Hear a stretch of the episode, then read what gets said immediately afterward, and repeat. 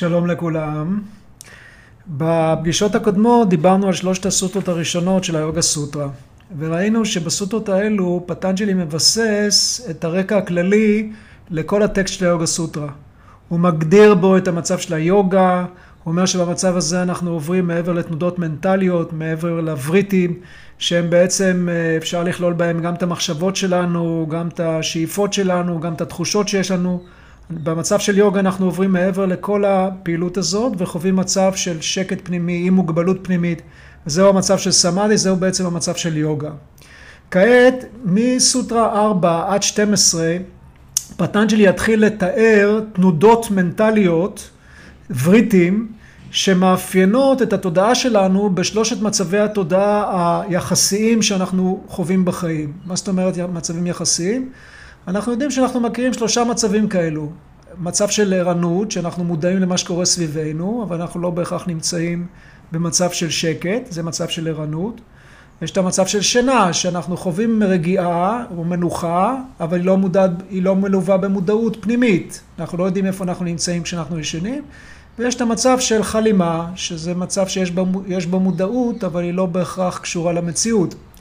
אז בסוטות מ-4 עד 12 פטנג'לי שוב ידבר על תנודות מנטליות שמאפיינות את שלושת המצבים האלה. אתם רואים, הוא מתחיל כאילו במה שנקרא highest first. הוא מתחיל בהיבט החשוב ביותר, שזה בעצם ההתנסות ביוגה, המהות של היוגה. ואחרי שהוא בשלושת הסוטרות הראשונות נתן את התמצית של המהות הזאת, הוא עובר לתאר מה קורה לנו בעצם בשלושת מצבי התודעה הרגילים השונים שאנחנו חווים בחיים. המצבים האלה יחסים כי הם כל הזמן משתנים, אין בהם משהו קבוע. עכשיו, מה שהסוטרה הרביעית אומרת, היא אומרת, וריטי סרופיאם איתרטרה. וריטי זה הפעילות המנטלית, דיברנו על זה, התנודות המנטליות. איתרטרה זה בזמנים אחרים. סברופיאם זה הזדהות או הופעה. אם אנחנו מחברים את שלושת המילים האלו ביחד, אז אפשר לתרגם את זה בזמנים אחרים, איתרטרה. הפעילות המנטלית או הווריטי היא מסתירה או מצלה על הטבע המהותי שלנו. היא יוצרת הזדהות. אפשר גם לתרגם את זה, יוצרת הזדהות, אבל אני בחרתי לתרגם את זה בזמנים אחרים. פעילות מנטלית מצלה על טבענו המהותי. עכשיו, מה העניין טבענו המהותי? למה הכוונה כאן? אנחנו יודעים שבעצם הטבע הגבוה שלנו, המהותי שלנו, על פי הספרות הוודית, הוא זהה לתודעה טהורה בלתי מוגבלת. בפילוסופיית הסנקיה וביוגה קוראים לתודעה אה, הזאת פורושה, עם מוגבלות פנימית שלא קשורה לאגו, שלא קשורה להיבטים אינדיבידואליים של האישיות שלנו. אז זה בעצם הטבע המהותי שלנו. עכשיו, כשאנחנו חווים דברים, כשאנחנו מתנסים בדברים בחיים, אנחנו מקבלים אינפורמציה דרך החושים על אובייקטים חיצוניים. המנס, ה mind שלנו, הרוח שלנו, קולטת את האינפורמציה הזאת. היא מעבדת, מעבדת ובוחנת את האינפורמציה הזאת, ואז בודהי, האינטלקט, הוא מחליט לאיזה אינפורמציה כדאי לנו כן להתייחס, לאיזה אינפורמציה אין, אין טעם להתייחס. עכשיו, אם אנחנו לא מחוברים לאותה תודעה טהורה, לאותו שקט אינסופי פנימי שמאפיין את מצב היוגה, לאותו שקט, לאותה תודעה טהורה שקוראים לה פורושה בפילוסופיית הסנקה וביוגה, שזה בעצם גם המצב של סמאדי. אם אנחנו לא מחוברים למקום הזה, אז האינטלקט הוא גורם לנו לשייך לעצמנו את הרשמים החושיים האלו שאנחנו חווים בחיים. זאת אומרת, אנחנו מתייחסים לכל מיני דברים חיצוניים, ואז אנחנו משייכים אותם לעצמנו. האינטלקט אז גורם לאגו להרגיש הרגשה של עצמיות נבדלת. כלומר, אני, אוקיי, אני מתייחס לכל מיני דברים חיצוניים, לדברים שאני עושה בחיים. אני מרפא אנשים, אז אני אומר, אוקיי, אני רופא, זאת המהות הפנימית שלי. או אם אני מתעסק בכל מיני עסקים, אני אומר, אוקיי, אני איש עסקים. או אם יש לי מצב רוח לא מי יודע מה, אני אומר, אוקיי, עכשיו אני עצוב, אם אני שמח, אז עכשיו אני שמח. אני מייחס לעצמי כל מיני דברים שהם בעצם דברים חיצוניים. ואני באותו רגע, אני לא מודע לעובדה שהמהות הפנימית האמיתית שלי היא תודעה טהורה אינסופית, שעומדת מעבר להגדרות ולביטויים היחסים האלה, שאני רופא ואני איש עסקים ואני עצוב ואני שמח ואני כזה ויש לי כסף או ואני ככה ואני אחרת. זאת אומרת שההתנסות שאנחנו חווים היא יוצרת כאן בעצם מצב של הזדהות. אנחנו מזדהים עם הדברים החיצוניים ושוכחים את המהות הפנימית שלנו. עכשיו, הרבה מורים רוחניים טענו שההזדהות הזאת היא בעצם שורש הבעיה מבחינה של התפתחות רוחנית, מבחינה של התבססות במצב של יוגה, שההזדהות הזאת צריך איכשהו לבטל אותה, כי היא בעייתית, כי היא, אמרו אותם מורים, גורמת לנו באמת לאבד את החיבור למהות הרוחנית הפנימית שלנו, לפרושה. היא גורמת לנו אה, לא להיות מחוברים למצב הזה של היוגה. ו... אבל בעצם אה, הגישה שאני מביא כאן היא קצת שונה, קצת הרבה בעצם שונה. מרישי מאש יוגי, המורה שלי, טוען כאן שההזדהות היא לא הבעיה. כי בחיים אנחנו חייבים להזדהות עם דברים. אם אנחנו חיים בעולם, אם אנחנו מתנסים בדברים ופועלים בחיים, אנחנו חייבים להזדהות עם כל מיני דברים שקיימים בעולם. ובעצם ההזדהות הזאת היא לא מה שצריכה לגרום לפחד ולבעיות אצל אדם ששואף לפתח את התודעה שלו. מה שצריך לעשות, צריך לטפח מצב מנטלי שבו הרוח שלנו כשהיא מתעסקת בדברים חיצוניים היא לא מאפשרת להוויה הטהורה הפנימית הזאת, לפורושה או לסמאדי או ליוגה או תקראו לזה איך שאתם רוצים, להיות מוצלת על ידי האובייקטים החיצוניים. איך אפשר להשיג כזה, כזה, כזה מצב?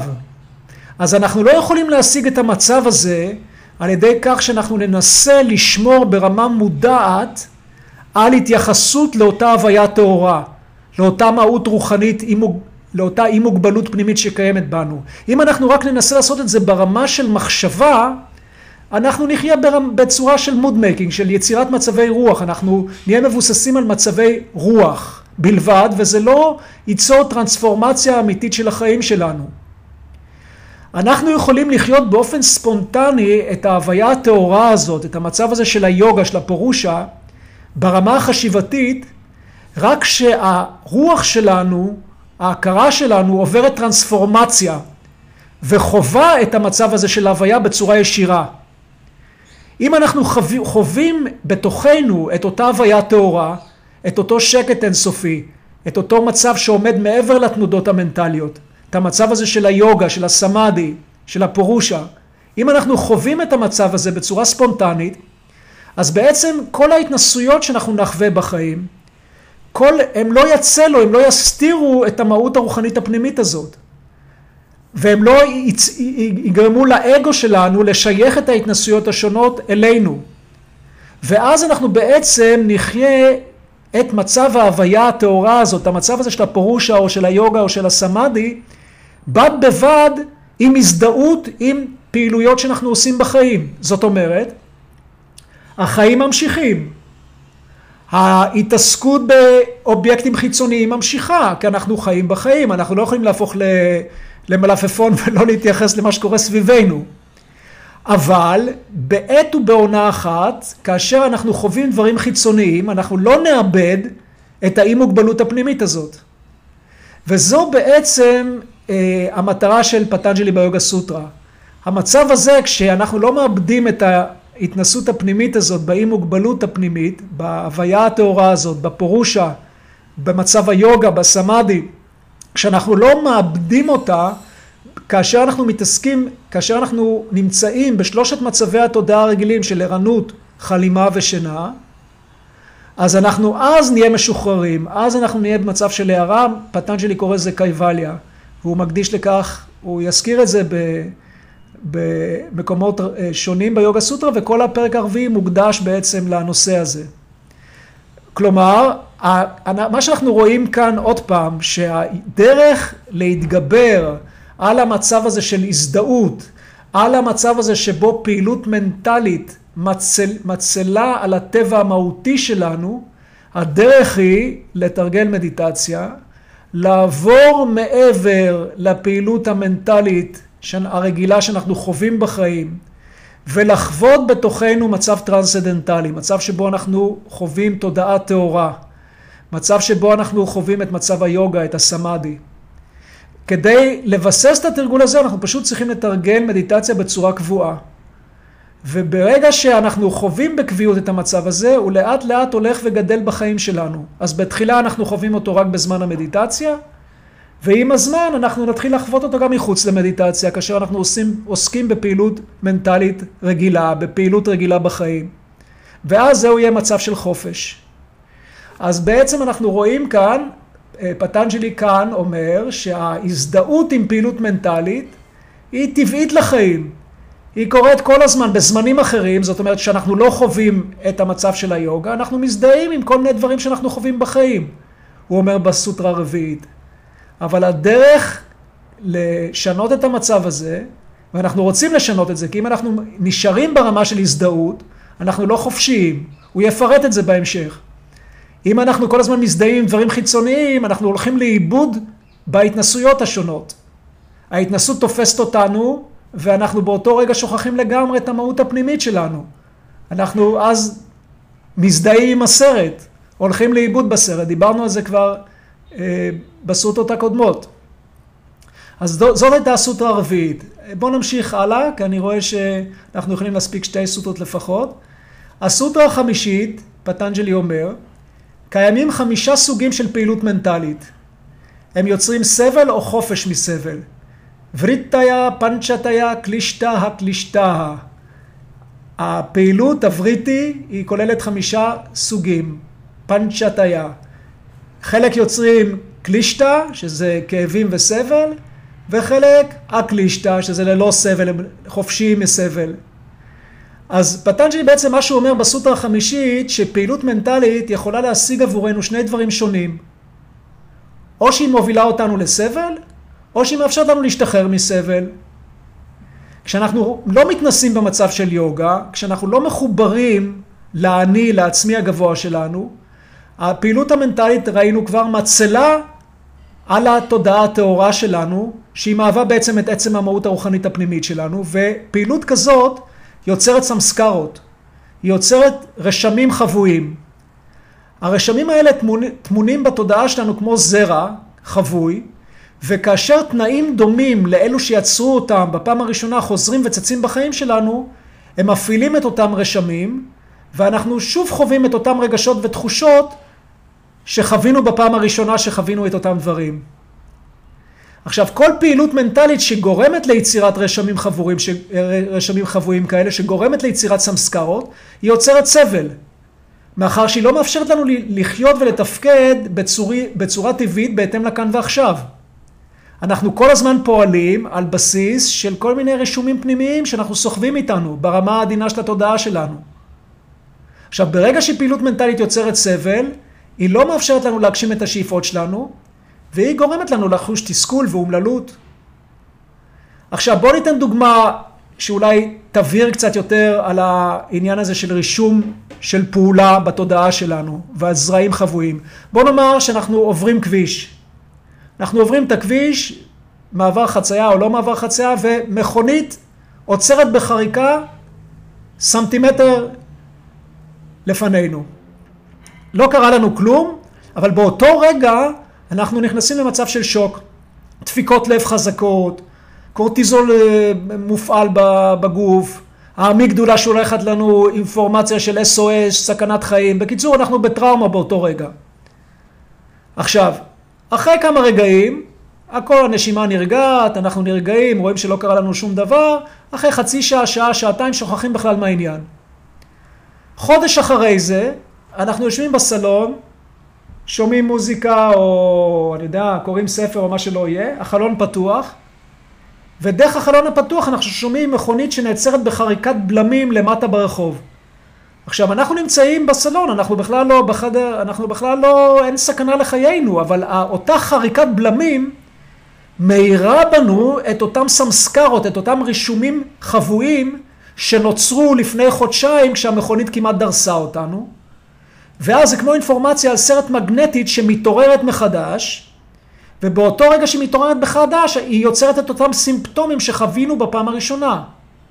עוד פעם דפיקות לב חזקות, עוד פעם תחושה של סכנת חיים, עוד פעם תחושה של, אה, של, אה, של פחד. כלומר, הרשמים האלה נמצאים בתודעה ברמה עדינה, אבל הם חוזרים ועולים רק כשתנאים דומים לאלה שיצרו בהם, שיצרו אותם בראשונה, חוזרים ומופיעים בחיים שלנו. ושוב, אנחנו יכולים לתת המון המון דוגמאות כאלו. היינו באיזושהי מערכת זוגית. היה לנו איזשהו אה, ויכוח או איזשהו אה, דיבורים אה, פחות נעימים עם בן הזוג שלנו, הוא אמר לנו דברים מסוימים שמאוד פגעו בנו. ושכחנו מהעניין. והקשר הזה נג... אה, הסתיים, שנים אחרי זה אנחנו בקשר אחר, ועוד פעם בן הזוג שלנו אומר לנו איזה שהם מילים שמעוררות בנו, בתוכנו, את אותה חוויה שחווינו לפני שנים עם בן זוג אחר, שאמר לנו את הדברים האלה שמאוד פגעו בנו. עכשיו, אם מישהו יעמוד בצד ויקשיב לשיחה, יקשיב, יקשיב להתנהלות העניינים, הוא לא יבין מה אנחנו נפגעים כל כך. אבל הפגיעה שלנו נובעת, שוב, בגלל החייאה של אותם רשמים חבויים, אותם סמסקרות, שנמצאים אצלנו כמו רש, רשומים על דיסק, רשמים על דיסק, אינפורמציה על דיסק. וכך אנחנו לא יכולים להיות חופשיים, כי אנחנו בעצם כל הזמן, בלי הפסק, אנחנו מגיבים לכל מיני חוויות, לא בצורה אותנטית, לא בהתאם לכאן ועכשיו. אנחנו מגיבים לדברים בהתאם להתניות, בהתאם לחוויות שאנחנו סוחבים איתנו בתודעה שלנו, בהכרה שלנו מהעבר. ופעילות מנטלית כזאת היא פשוט יוצרת סבל. היא יוצרת מצב שאנחנו לא חופשיים, שאנחנו לא פועלים בהתאם למצב העניינים הנוכחי, בהתאם לכאן ועכשיו, ואז אנחנו בבעיה. עכשיו, בניגוד לכך, אם אנחנו מבוססים בתודעה הטהורה הזאת של מצב היוגה, אז אנחנו יותר ויותר חופשיים מאותם רשמים פנימיים, מאותם סמסקרות. ההתנסות הטרנסדנטלית במצב היוגה, במצב של סמאדי, נאמר בספרות הוודית, היא בעצם שורפת את הזרעים האלו של הסמסקרות, של הרשמים החבויים האלה שאנחנו סוחבים איתנו מהעבר. וכשאנחנו חווים את התודעה הטהורה הזאת, אנחנו בעצם אז משתחררים יותר ויותר מאותם רישומים פנימיים, ואז הפעילות שלנו, הפעילות המנטלית, היא יותר תביע איכויות של עושר. אתם יודעים שבספרות הוודית נאמר שהתודעה הטהורה הזאת של מצב היוגה או של מצב הסמאדי, המצב הזה של הפירוש הוא מתאפיין באננדה, בעושר עליון, עושר שלא קשור לדברים חיצוניים. היכן אבל העושר הזה שוב נמצא? הוא לא נמצא באטרף, הוא לא נמצא במתחים, הוא לא נמצא בפעיל, בווריטי, בפעילות המנטלית האינטנסיבית, הוא נמצא במצב השקט הזה, המצב הטרנסדנטלי הזה של היוגה, של הסמאדי. וברגע שאנחנו חווים את המצב הזה, האיכות הזאת של אננדה מתחילה להתבטא, של עושר, מתחילה להתבטא בטבעיות גם מחוץ למדיטציה, כשאנחנו מתעסקים בפעילות רגילה. ואז בעצם הפעילות המנטלית שלנו היא תיצור אה, חופש מסבל, היא תהיה חיובית, היא תהיה מלאה בבליס, היא תהיה מלאה באושר פנימי. אז עוד פעם, יש כאן שני מצבים, פעילות מנטלית שיוצרת סמסקרות, יוצרת רשמים חבויים, שגורמים לנו לפעול בצורה מותנית, שלא בהתאם לכאן ועכשיו, או פעילות מנטלית שהיא מבוססת על ההתנסות הזאת הפנימית במדיטציה של שקט, של אי מוגבלות פנימית. ברגע שאנחנו חווים את המצב הזה, המחשבה שלנו מתמלאת באיכויות הפנימיות האלו שמאפיינות את מצב היוגה או הסמאדי, שזה אננדה, שזה עושר עליון, שזה שקטי, שזה אנרגיה, אפשר לומר אינסופית, אינטליגנציה אינסופית, גיאן שקטי וקריאה שקטי. גיאן שקטי, ידע טהור. קריאה שקטי, עוצמה מארגנת אינסופית. אלו הם איכויות שמאפיינות את המצב הזה, את המצב הטרנסצנדנטלי הזה.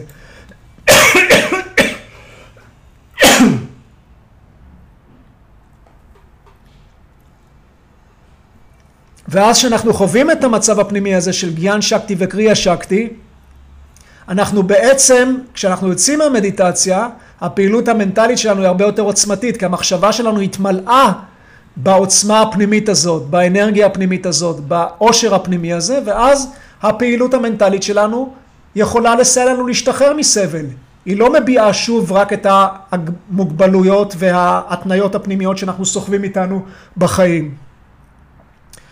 אז אלו היו שתי הסוטרות הבאות, סוטרה רביעית וחמישית. בסוטרה השישית, פטנג'לי יתחיל לפרט את, הפעיל, את, את הפעילויות המנטליות השונות.